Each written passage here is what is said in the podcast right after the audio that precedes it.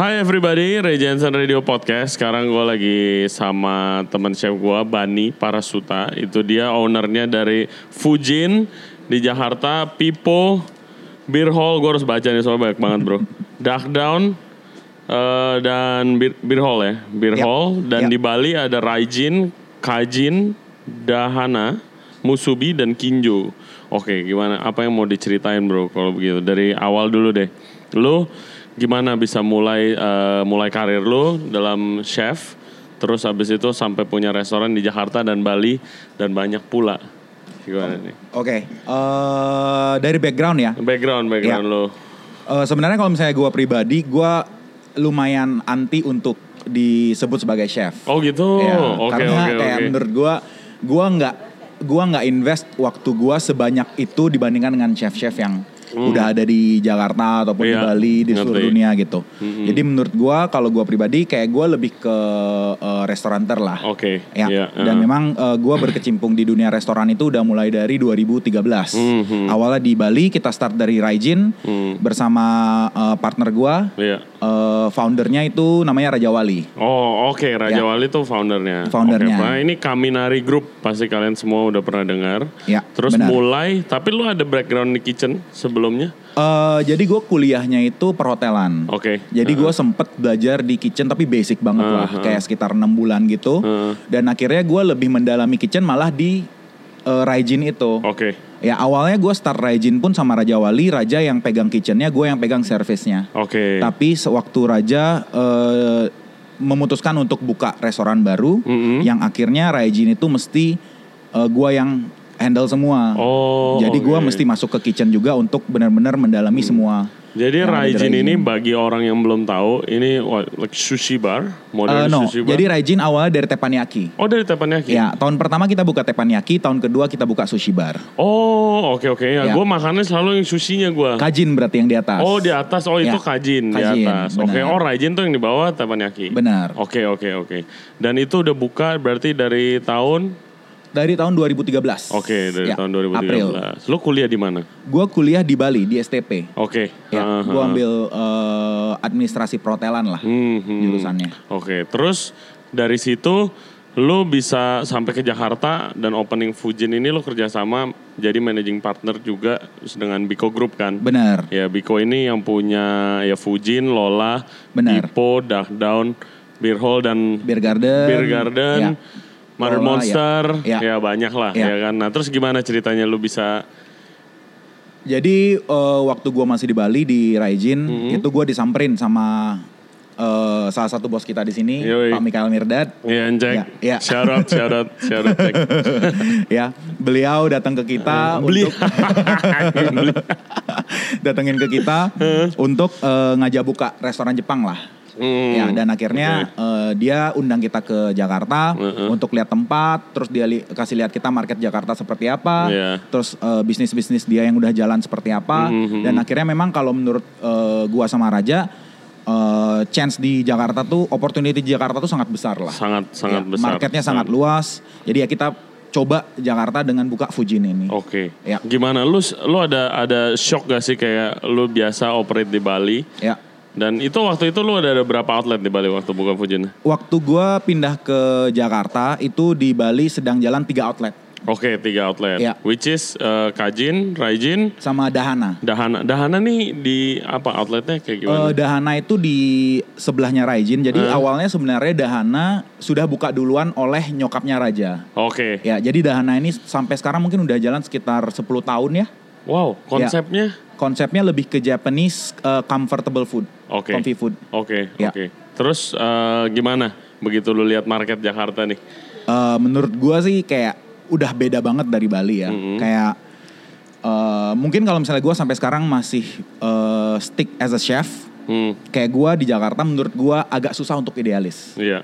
Karena sangat, market sangat. di Jakarta Iya. sangat heterogen, Heeh. bermacam-macam dan kayak gua kita mesti accommodate semua orang eh, Jakarta Iya. dengan beragam macam itu gitu. Hmm, hmm. Even kayak di Fujin pun kayak misalnya kita udah bener-bener state kita itu teppanyaki, tapi masih ada juga tamu yang tanya misalnya ada sushi nggak, ada Hmm. ramen nggak Iya, gitu. iya. Dan lu akhirnya lu cater semuanya.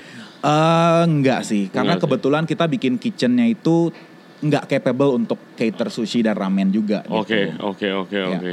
Terus- Terus ya, obviously business is doing pretty well. Dari Fujin bisa ada langsung lanjut ke Pipo, Beer Hall, Duck Down, dan lain sebagainya. Itu gimana cara? Apa lo di offer? Ya. Atau lo... Kalau Pipo Beer Hall Dark Down itu sebenarnya jatuhnya gue nebeng sih. Ah, nebeng, Ya, cuman oke. kalau waktu di Pipo ya gue lumayan involve untuk operationnya. Hmm, ya gue bantu eh, Biko Group untuk setup eh, servisnya dan lain-lain. Oke. Dan memang kalau gue bilang ya di Jakarta bisnis growing itu sangat amat cepat sih. Oke. Kayak setiap tahun kita udah harus mesti buka sesuatu yang baru. Hmm. Jadi orang itu eh, masih ingat dengan kita gitu. Iya benar sih, iya Ya. benar-benar ya. Jadi kalau misalnya uh, listeners and viewers kita bingung kenapa uh, di Jakarta tuh buka restoran yang grup gede gila-gilaan cepet banget ya itu tadi salah satunya supaya bisa tetap diingat itu salah satu yang penting jadi top of mind customer customer ya kan. Terus gue pernah kenapa mayoritas grup lu itu Japanese makanannya? Apa Oh, lo lo oke. emang passion lu di situ? Ya. Oke, jadi Paling yang nggak Japanese, paling Pipo yang paling kayak restorannya gitu. Iya, iya, iya. Jadi sebenarnya ya awalnya kalau gua ngomong eh, company gua di Bali Kaminari Group Hmm. itu kita startnya sebagai eh, Japanese company. Jadi Kaminari itu bukan kami bukan kami menari, tapi sebenarnya artinya eh, petir. Oke. Iya, karena kita mulai dari Raijin. Uh-huh. Raijin itu eh, salah satu dewa petir Oke, di Jepang. oke. Dan akhirnya kita terkenal dengan nama Raijin Group. Hmm. Cuman kalau misalnya kayak kita pakai nama Raijin Group, takutnya pergerakannya lumayan eh, sempit gitu. Jadi Hmm. akhirnya kita eh, ambil esensi dari Raijin itu, yaitu petir. Akhirnya kita Oke. kasih nama eh, grup kita itu Kaminari Group. Hmm. Dan memang gua sama Raja itu basicnya lumayan Japanese. Oke. Karena eh, gua sama Raja udah kenal dari TK. Hmm. Karena nyokap dan nyokapnya dia, nyokap gua dan nyokapnya dia itu Jepang. Hmm. Dan eh, gua campuran Bali, kalau dia campuran Bandung. Oh. Jadi kayak kalau di Bali half Japanese itu punya komun- komunitas gitu. Oke. Ya, jadi Oke. kayak dari TK udah bareng-bareng. Hmm. Terus akhirnya eh, waktu even SD, SMP, SMA kita bareng sampai kuliah kita pisah dia berangkat ke Jepang. Oke. Oh dia emang belajar di Jepang Ya, juga. dia Oh. tinggal lima tahun di Jepang. Oke. Satu tahun eh, kuliah masak, Hmm. empat tahunnya kerja. Gila. Oke. Oke. Ya. oke. Terus dia balik ke Bali ngajak eh, ngajakin gua untuk Hmm. buka restoran. Oke, Gitu. ngerti, Makanya ngerti, kayak kalau misalnya dibilang sebenarnya basic kita ya Japanese. Hmm. hmm. Tapi karena demand di Jakarta kan nggak cuma Japanese aja nih. Iya. Makanya akhirnya kayak buka Pipo, Beer Hmm. Hall itu ya kita ikutin. Oke, eh, ikutin flow marketnya. iya, benar. Oke, oke. Dan tadi lu sempat bilang eh, sempat shock waktu pindah ke Jakarta. Ya. Apalagi selain ya obviously marketnya dan Ya. lu nggak bisa idealis. Apa Ya. aja sih yang lu nggak bisa, yang lu pengen, yang lu sudah lakukan dan bisa dilakukan di Bali, Ya. yang nggak bisa di sini. Oh, Oke. Contoh pasti banyak dong. Eh, mungkin kalau highlight perbedaan Bali dan Jakarta itu Hmm. eh, level of stress ya. Hmm. Karena kalau misalnya kalau gue bilang di Bali, gue tinggal di Bali, gue tinggal di Canggu. Oke. Jadi kayak misalnya kalau gue ada stres apa pun itu entah itu kerja Hmm. atau kehidupan pribadi, Hmm. gue kayak tinggal naik motor 2 menit, 5 menit Hmm. sampai pantai untuk refreshing gitu. Hmm. Sedangkan kalau di Jakarta, lo ada stres di kerjaan ataupun di kehidupan pribadi lo, ujung-ujungnya larinya ke either ke makanan Heeh. atau minuman. Iya. Karena kalau lo ke pantai, lo paling deket ke Ancol dan pantainya seperti itu. Masuk gitu. juga bayar lagi. Terus kalau misalnya mau di Bali mau ke gunung itu kayak satu jam dua jam udah nyampe gunung. Oke, Cuman oke. kalau misalnya di Jakarta kayak lu mesti menyetir berapa jam gue nggak tahu untuk Hmm. untuk bisa dapat udara yang lebih segar daripada di kota gitu. lu bolak-balik terus berapa bulan sekali lu? Kalau sekarang gue sebulan sekali. Oh sebulan, sebulan Sebulan sekali ke Jakarta atau sebulan sekali ke Bali? Lu lebih Eh, lama di mana nih? Gue lebih lama di Bali sekarang. Oh oke. Ya oke, karena oke. gue baru eh, nikah dan punya anak. Hmm, oh congrats man. Thank you, thank you. Jadi ya eh, sekarang waktu gue lebih banyak di Bali. Cuman dari Januari karena ada proyek baru, kemungkinan Hmm. gue akan lebih banyak stay di Jakarta. Oh oke Ya. oke. Dan eh, proyek barunya Musubi itu proyek terakhir lu di Bali bukan? Eh, bukan, jadi proyek terakhir di Bali itu Kinjo. oh Kinjo. Ya, oke. Japanese uh, shaved ice gitu. Oh, oh, gua tahu. Ya. Gua ya cek share di Instagram. Iya, Ya, iya. ya. Oke, oke. Kaki gori kan ya. kayak Benar, gitu. benar, kaki gori. Itu di mana? Daerah mana? Eh, awalnya kita buka di Seminyak, Heeh. cuman akhirnya kita pindah ke mall karena kita lihat kayak marketnya Kinjo itu lebih ke mall. Oh. daripada daripada kayak individual uh, building gitu. Mhm. Ya, tapi nantinya mungkin kita akan kalau kita ngomong perkembangan nantinya akan kita kembangkan ke uh, kayak pinggir jalan di Seminyak gitu Iya juga. iya iya. ya. Gue pikir gue pikir di pinggir jalan sih kayak Awalnya di pinggir- Bali gitu kan Iya. orang pasti kayak stop by makan. Iya, iya. Basically es serut lah es Shanghai Iya. gitu kan. Iya. Oke. Di Jakarta nggak? Menurut lu gimana tuh chef ice chef ice gitu kalau? Ke depannya sih kita bakal jual di Jakarta. Oke. Ya, oke. cuman ya maksudnya kita masih mantepin sistemnya gitu gitulah. Hmm. Ya dulu kan di Jakarta sempet ngetren tuh yang kayak sumobo gitu Iya, kan, iya, ada iya, chef iya, ice-nya, iya. ada mochinya, whatever. Oke. iya. Iya, Benar. mirip-mirip kayak gitu ya. Iya. Kalau musubi itu konsepnya apa sih, men? Gue belum pernah, gue belum sempet sih. Oh, belum ya? Belum, belum sempet gue. Ya. Kalau musubi sih sebenarnya lebih ke modern Japanese ya. Oke. Ya, dan memang kan kalau chef kita di sana tuh chef uh, Rui Yamagisi. Hmm. Eh, Siapa dia? dia? Dia itu lulusan dari uh, Le Cordon Bleu Hmm.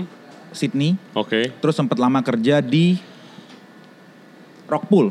Oh, Rockpool, wow. Ya. Rockpool tuh Rockpool. restoran di Sydney dekat Opera House ya, keren banget. Ya. Heeh. Terus dia uh, cabut dari Sydney, balik ke Bali, akhirnya kita ajak dia buka restoran. Hmm. Basic dia kan French banget tuh. Heeh. Akhirnya yang terlahir uh, produk-produk yang terlahir di Musubi itu lebih ke Japanese fusion French gitu. Hmm. Oh. Ya, kita kayak oke, Rui oke. berusaha masak uh, makanan Jepang Hmm. tapi dengan metode Prancis. Oke, oke, Ya. oke. Musubi itu aslinya kan yang sushi dari spam bukan sih? Musubi? Nah, ya, Nah, eh, lu jualan itu juga? Gua nggak jualan itu. Oh, lu nggak jualan itu? Oke, oke. ya emang kayak banyak tamu yang datang mereka expect Ada musubinya. Ada musubinya. Iya, iya, iya. Terus Ya. itu apakah a pure restaurant atau ada barnya juga lengkap kayak di sini? Em, kalau di Bali restoran kita di Bali itu lebih ke restoran sih. Oke. Jadi barnya nggak se nggak selengkap di Jakarta. Nah, Iya, kalau di Jakarta lu mau reach certain target omset lu harus lengkap juga sih. ya, benar barnya. benar. Iya, iya. Jadi kayak pilihan pilihan spirit dan liquor lu harus banyak. Cuman Hmm. kalau di Bali nggak sebanyak itu. Oke, Ya. oke, oke. Dan kalau eh, apa di sana sake atau apa? Ya penjualan kita kalau di Musubi sekarang yang lagi naik tuh sake. Oke. Ya sama oke. koktail sih. Oh. Ya karena kayak kalau di Bali orang kan eh, kayak tropical gitu mereka lebih identik ke koktail. Aha. Minuman-minuman yang seger Iya, gitu. Iya. Di Jaha- di outlet-outlet tuh di Jakarta koktail gimana? Jalan nggak koktail? Eh, kalau di sekarang di Fujin lumayan jalan. Hmm, hmm, hmm. Ya. Ini lu sake kan? Sake bar gak sih bilangnya? Ya dulunya awalnya kan kita mulai dari whisky tuh. Hmm. Ya cuman akses whisky kan di, di Indonesia ternyata sangat susah. Iya. Dan akhirnya kita pindah Whisky ke enak susah. Iya, whisky enak susah. akhirnya kita pindah ke. Iya. akhirnya kita pindah ke sake lah. Oke, Ya, oke, Karena sake lebih lebih aksesibel. Gimana sekarang market dengan sake men? Kayak Gue bilang kayak lu? orang Jakarta sekarang udah lumayan teredukasi dengan sake ya. Mhm. Awalnya kan mungkin wine udah masuk duluan. Iya. Tapi bedanya wine dengan sake, sake itu orang lebih eh, gampang minum. Oke. Jadi kayak semua Yeah, orang more easy to drink. Bener, Oke. semua orang bisa minum gitu. Sedangkan Hmm. kalau wine kan eh, ada yang suka, ada yang enggak gitu. Heeh, Jadi sebenarnya kalau gue bilang opportunity sake itu sangat besar lah di Jakarta. Hmm, Oke oke. Ya, Terus eh, lu bilang tadi sempat ngomong ada bakal ada next project di Jakarta. ya. Udah ada yang boleh diceritain belum? Em, Kira-kira apa konsepnya gitu? kalau ngomongin makanan, Eh, kalau jujur kita masih eh, kita yang handle eh, kitchennya. oh oke. Ya, jadi kalau Eh, makanan kita cuma bisa bilang international food lah. Oh. ya, jadi nggak stick oke. on kayak misalnya uh, Japanese food tapi kayak semuanya. Kita we try to accommodate every people lah Hmm. di di sana gitu. Oke, Karena proyeknya juga lumayan besar. Sip sip. Terus lu di Jakarta juga ada beberapa outlet ya kan yang Ya. kayak lu involve apa misalnya kayak di Duckdown nih. Ya. Duckdown eh, apa kayak bar semi club yang paling hit lah sekarang di Jakarta Selatan salah Oke, satunya thank you, ada thank dua you. kan. Duckdown ada di Gunawarman Benar? eh, dan ada Duckdown Pizza Party. Ya, di Lu involve dua-duanya. Gue involve dua Apa lu involve di operationnya juga? Apa enggak. lu invest atau invest Ya. aja apa gimana? Kalau di kalau di duck down, gue nggak involve sebagai uh, operasional. Mhm. Gue cuman invest uh, invest dan involve sebagai pemabuk di sana. Sama kayak Banjo lah. itu, investnya itu ya. ya. Iya cocok sih lu banjo gitu punya tempat kayak. Tapi by the way, uh, gua like uh, mungkin two months ago kali gua ke Darwin Pizza Party kayak Ya. oh ya best pizza di Jakarta sih. Wah, thank you, sih. thank you, thank you. Wah. Enak enak banget, enak Thank you, banget. thank you. Oke, terus eh, selain itu di Bali lu ada proyek lagi? Eh, kalau di Bali kayaknya sementara kita tahan dulu karena emang Hmm. Kita lihat dari dua tahun terakhir lah perkembangan di Bali itu sangat lambat karena banyak bencana, terus banyak ya politik isu juga gitu. Oh gitu ya. Ya. Lapa seribet kayak di Jakarta kemarin nih. Minggu Oh. kemarin. Kalau minggu kemarin Jakarta lebih parah sih. Wah gila sih. Ya, berpengaruh lu- banget. Bisnis lu ngefek gak? Lumayan, Wah gua lumayan. ngefek banget sih men. Sebel banget gua. Udah demo. Ya kan. Terus sampai jalanan akses Iya, ditutup. iya. Aduh. Kayak mall-mall, gua rasa mall-mall kayak lumayan terasa juga terutama yang di daerah Senayan dan daerah pusat ya. Iya, Itu kayak iya. lumayan berasa sih. Iya iya iya. Maksudnya gua gua kan baru buka eh, bir murah nih di di di mana di Puri Iya. di barat. Iya. Eh, ya kalau di barat tuh mallnya rame banget Iya. waktu begitu-begituan Iya. ya. Tapi outlet-outlet gue nih kayak Fish gitu. Iya. Wah gila sih bulan Iya, kemarin sih kemakan berapa minggu tuh. Iya. Terus ada satu satu weekend yang full dengan festival kan. Iya. Itu juga ngefek banget buat Iya, gua gitu. berat banget sih. Iya iya itu itu. Oke oke. Nah terus lu di mall eh, udah ngerasain juga berarti kan. Eh, Iya. Lu buka outlet. Ada challenges tersendiri gak lu buka di mall sama yang Iya. kayak standalone restoran kayak Fujin gitu. Hmm. Ya, menurut gua kayak challenge di mall tuh beda lagi ya. Karena eh, kalau kita ngomong mall, marketnya sebenarnya udah di sana. Dibandingkan dengan kayak Fujin yang standalone seperti ini, orang mau ke sini tuh memang harus ke sini. Sedangkan kalau di mall itu orang bisa ke sana sambil kayak mereka shopping, jalan-jalan atau nggak kayak eh, main doang gitu. Iya. Cuman eh, yang akhirnya market yang datang ke outlet-outlet kita di mall itu tidak ter eh, tidak terkurasi lah. Jadi kayak Iya. yang datang ya bisa random aja gitu. Iya, uh, uh, Even uh. kayak misalnya kita ngomong kita buka Pipo kemarin, Mm-mm. eh, banyak orang yang belum tahu tentang Italian food, Hmm. mereka datang ke tempat kita Oke. dan Terus mereka beda expect sesuatu yang berbeda gitu. Iya, ngerti, Ya, ngerti. beratnya di sana sih. Oke. Tapi kalau orang ke Fujin kan mereka udah tahu oh mereka mau teppanyaki, Oke. mereka ke sini dan mereka udah expect teppanyaki gitu. Oke, oke, oke, oke. Da- Pipo itu itu lo kerja bareng sama eh, grupnya Mama Rosi gak sih? Benar. Iya, Mama Rosi itu restoran favorit gue sih. Enak Di Kemang banget ya, sih. Iya, ya. di Kemang enak banget. Terus harganya nggak terlalu mahal and worth Iya. it gitu loh. Iya, Yang mahal benar. tuh worth it gitu. Benar. Berarti lo kenal baik dong sama si Mama Rosi ini segala Ya, macam. gue lumayan kenal baik sama keluarga mereka. Nah. Terus kayak ber- beberapa kali gue pernah sempat trip bareng juga sama mereka. Mhm. Terus sebelum kita buka Pipo juga kita ke Itali bareng uh, Oke. sama mereka untuk lihat makanan asli mereka tuh seperti apa sih Oh, gitu. lu ke Itali bareng. Wow, that's so cool. Ya, Ke mana? ke mereka tuh asalnya dari Liguria. Jadi oh, no- dari Liguria. Ya, Oke, north of. Italy. Iya, iya, Jadi iya. kayak kita di sana diintroduce bener-bener kayak makanan-makanan asli mereka tuh seperti apa sih gitu. Heeh, heeh. Terus Ya. Pipo ini lo ada certain style gak sih Italiannya? Apa lo emang kayak oke Ligurian style pasta atau kayak lo Italian aja sih? Ya balik lagi kayak gue ngomong, gua ngomong demand market ya. Eh. Kalau misalnya kita ngomong kayak Ligurian style, kayak lumayan sempit banget Eh. gitu. Dan orang belum tentu orang Indonesia terutama belum tentu bisa Iya. terima dengan rasa Eh. itu gitu. Dan kayak kalau res- kan di Pipo tuh nggak cuma pasta doang kan? Benar. Ya kan dan emang makanan Itali itu kan nggak nggak pasta doang Benar, gitu banyak. benar. Tapi apa apa kayak karena gue dari dulu sebenarnya pengen punya restoran Itali. Oh ya. Tapi kayak gue punya feeling ntar gue kayak pasta house aja gitu kalau misalnya Oh, gitu. Apakah oke. gitu bener gak sih? Eh, enggak Jadi juga yang ya. laku pasta doang gitu loh. Lu misalnya ada yang lain segala Iya, iya. macam. Karena kalau misalnya kita ngomong ya kayak orang Indonesia kalau ngomong eh, masakan Jepang pasti mereka mikirnya sushi. Nah, Sedangkan kalau Italia itu ya kalau misalnya mereka ngomong masakan Italia biasanya pasta Iya. atau pizza gitu. nah, ya Bahkan pasta and pizza lah. ya even kayak pizza itu eh, orang Indonesia udah tahu duluan dari American Pizza kayak Hmm. Pizza Hut, Yes. Domino's gitu-gitu. Uh-huh. Memang cuman untungnya kalau di Pipo eh, nggak hanya pasta yang dominan tapi kayak steak, eh, grill foodsnya, terus kayak eh, pizzanya juga lumayan laku lah. Oke. Ya, oke. jadi balik lagi kita uh, lumayan uh, berusaha untuk educate Hmm, market hmm. Jakarta juga gitu, bahwa Oke. kalau makanan Italia itu nggak cuma pasta Iya. atau pizza gitu. Iya, iya, iya, iya. Iya, by the way, Pipo, lu ada create your own pasta kan? I think. Benar, ya, benar. kan, I- that's very interesting sih. Iya.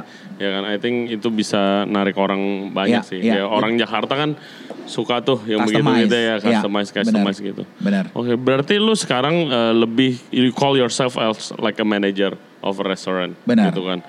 Jadi kalau lu misalnya set up, what department did you uh, in- take charge of atau lu jadi semuanya, terus lu ada chef report ke lu, ada manager report ke lu, lebih gimana sistemnya? Kayak kalau gue ngomong dari pre-opening dulu nih. Iya. Jadi gue uh, involved di rekrutmen juga. Eh, Uh, kayak misalnya ya gue bantu saring lah uh, orang-orang yang akan masuk ke outlet baru itu. mm-mm. Setelah outletnya udah mulai buka, ya gue lebih in charge ke apa ya? Kalau gue bilang kayak uh, gue pribadi lebih concern ke human developmentnya. Oke. Jadi kayak orang baru masuk datang eh, apa yang harus mereka pelajari untuk bisa eh, sukses di outlet itu dan Hmm. nantinya di Oke, karir bisa mereka lah berkembang gitu. ya. Ya, Iya, iya, itu itu ya itu penting banget sih. ya Gila. Iya, iya, benar itu penting. And I think Biko is really good uh, at doing that thank you personally. Thank you, thank you. Personally, very, nice. Dan ya gue juga belajar banyak. Kadang gue ngobrol sama Cek ya ini, Ya. gue juga belajar banyak dari ngomong sama lu. Oke, kasih tips dong ke viewer dan listener gue. Gimana Tentang apa bikin nih? culture yang benar nih? oh oke Culture yang benar di company lo. Karena Ya. it's very very important sih. Ya, ya. It's very very important. Iya, sekarang sih gue sebenarnya jujur lumayan mendalami tentang company culture lah. Heeh. Gimana untuk eh, bisa create company culture yang bagus. Yaitu balik lagi ke eh, core value ya. Heeh. Jadi kayak lo buka perusahaan apa pun itu entah itu F&B ataupun kayak perusahaan apa pun, Heeh. lo harus cari core value-nya. Iya. Lo memvalue apa yang paling penting gitu. Hmm, hmm. Dari sana baru lo eh, mencari orang Hmm. yang cocok buat lo. Setelah Oke. itu baru lu mulai develop mereka gitu. Hmm. Dan memang creating culture tuh bukan kayak bukan kayak eh, satu hari satu minggu gitu. Yeah, it itu takes years kali. bener Hmm. satu tahun lah minimal Hmm, gitu hmm, untuk create eh, culture yang bagus untuk perusahaan. Iya. Dan iya susahnya sih kalau company culture sama gue juga lagi ada di posisi kayak gue lagi pelajarin dan try to dalemin banget tuh Iya. mereka. It starts from the top kan. Benar. Gitu, dari kepalanya gitu loh. Benar. Dan dari ya misalnya seluruh investor dan segala macamnya gitu kan. Iya. Ya itu yang paling salah satu yang paling penting Iya. dan paling tough karena kalau culture-nya udah cocok kayak orangnya betah dan Iya. orangnya grow gitu kan. Ya Benar. contohnya kayak lu gitu kan misalnya lu juga salah satu contoh dong lu ke Biko Iya. dari satu doang atau jadi partneran jadi berapa banyak nih restoran lu iya. gitu kan. Nah, I think that's the right that's the right way to go. Thank you, Biko. Oke oke oke. Ada lagi bro yang mau diomongin? Di Um, Bali, di Bali lu buka sushi gampang gak sih ikannya? Apa lu pakai ikan impor? Apa ikan Um, lokal? Kalau gue bilang kalau untuk barang-barang import lebih banyak di Jakarta.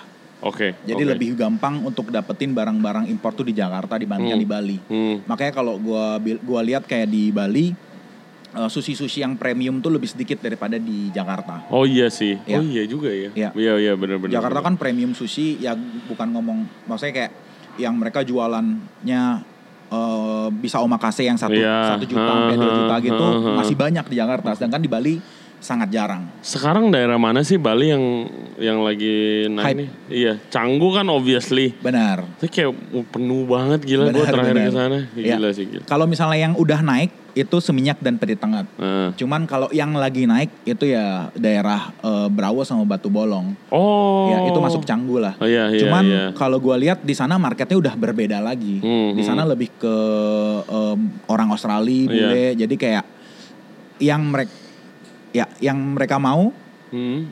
sama yang orang Indonesia mau kan otomatis pasti beda gitu Iya, kan. ha, ha. Iya. Dan eh, kalau di Bali tuh spending spending powernya gimana sih?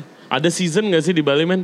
Ah, kalau ngomong season di Bali kayak sangat banyak ya. Hah. Karena kayak dari gua kan dulu eh, kuliah perhotelan, Hmm. gua sempet tren di hotel dan memang kayak gua lihat, gua observe eh, setiap bulan tuh memang ada seasonnya, Hmm. tapi orangnya beda-beda gitu. Ada yang misalnya season liburannya Itali, Prancis dan lain-lain gitu. Oke, oke. Dan kalau untuk spending power, gue bilang di Bali masih lebih kecil daripada Jakarta untuk Hmm. local people-nya ya. Iya, ha. Ya, kalau di Bali itu eh, mungkin gue bilang setengahnya Jakarta lah. Orang Jakarta untuk bayar eh, makan ataupun minum mereka lebih berani sih daripada di Bali gitu. Oke oke. Oh Iya. soalnya gue point of view gue kalau misalnya orang di Jakarta Ya, lu kerja Ya. gitu loh. Tapi kali kalau di Bali dia lagi ke Bali tuh dia lagi mau spend money justru Iya, iya, sih. iya. Kalau gue pikiran gue begitu loh malahan kalau orang orang Indonesia di Bali kayak ya. udah. Itu ada benernya juga sih. Hmm. Kayak kalau orang Jakarta atau Surabaya yang mereka liburan ke Bali, ya mereka berani banget untuk bayar Oke. mahal gitu. Hmm, hmm, hmm. Cuman kalau untuk orang lokal di Balinya ya udah beda cerita lagi. Oke. Cuman kalau orang di Jakarta kayak misalnya gue ngomong di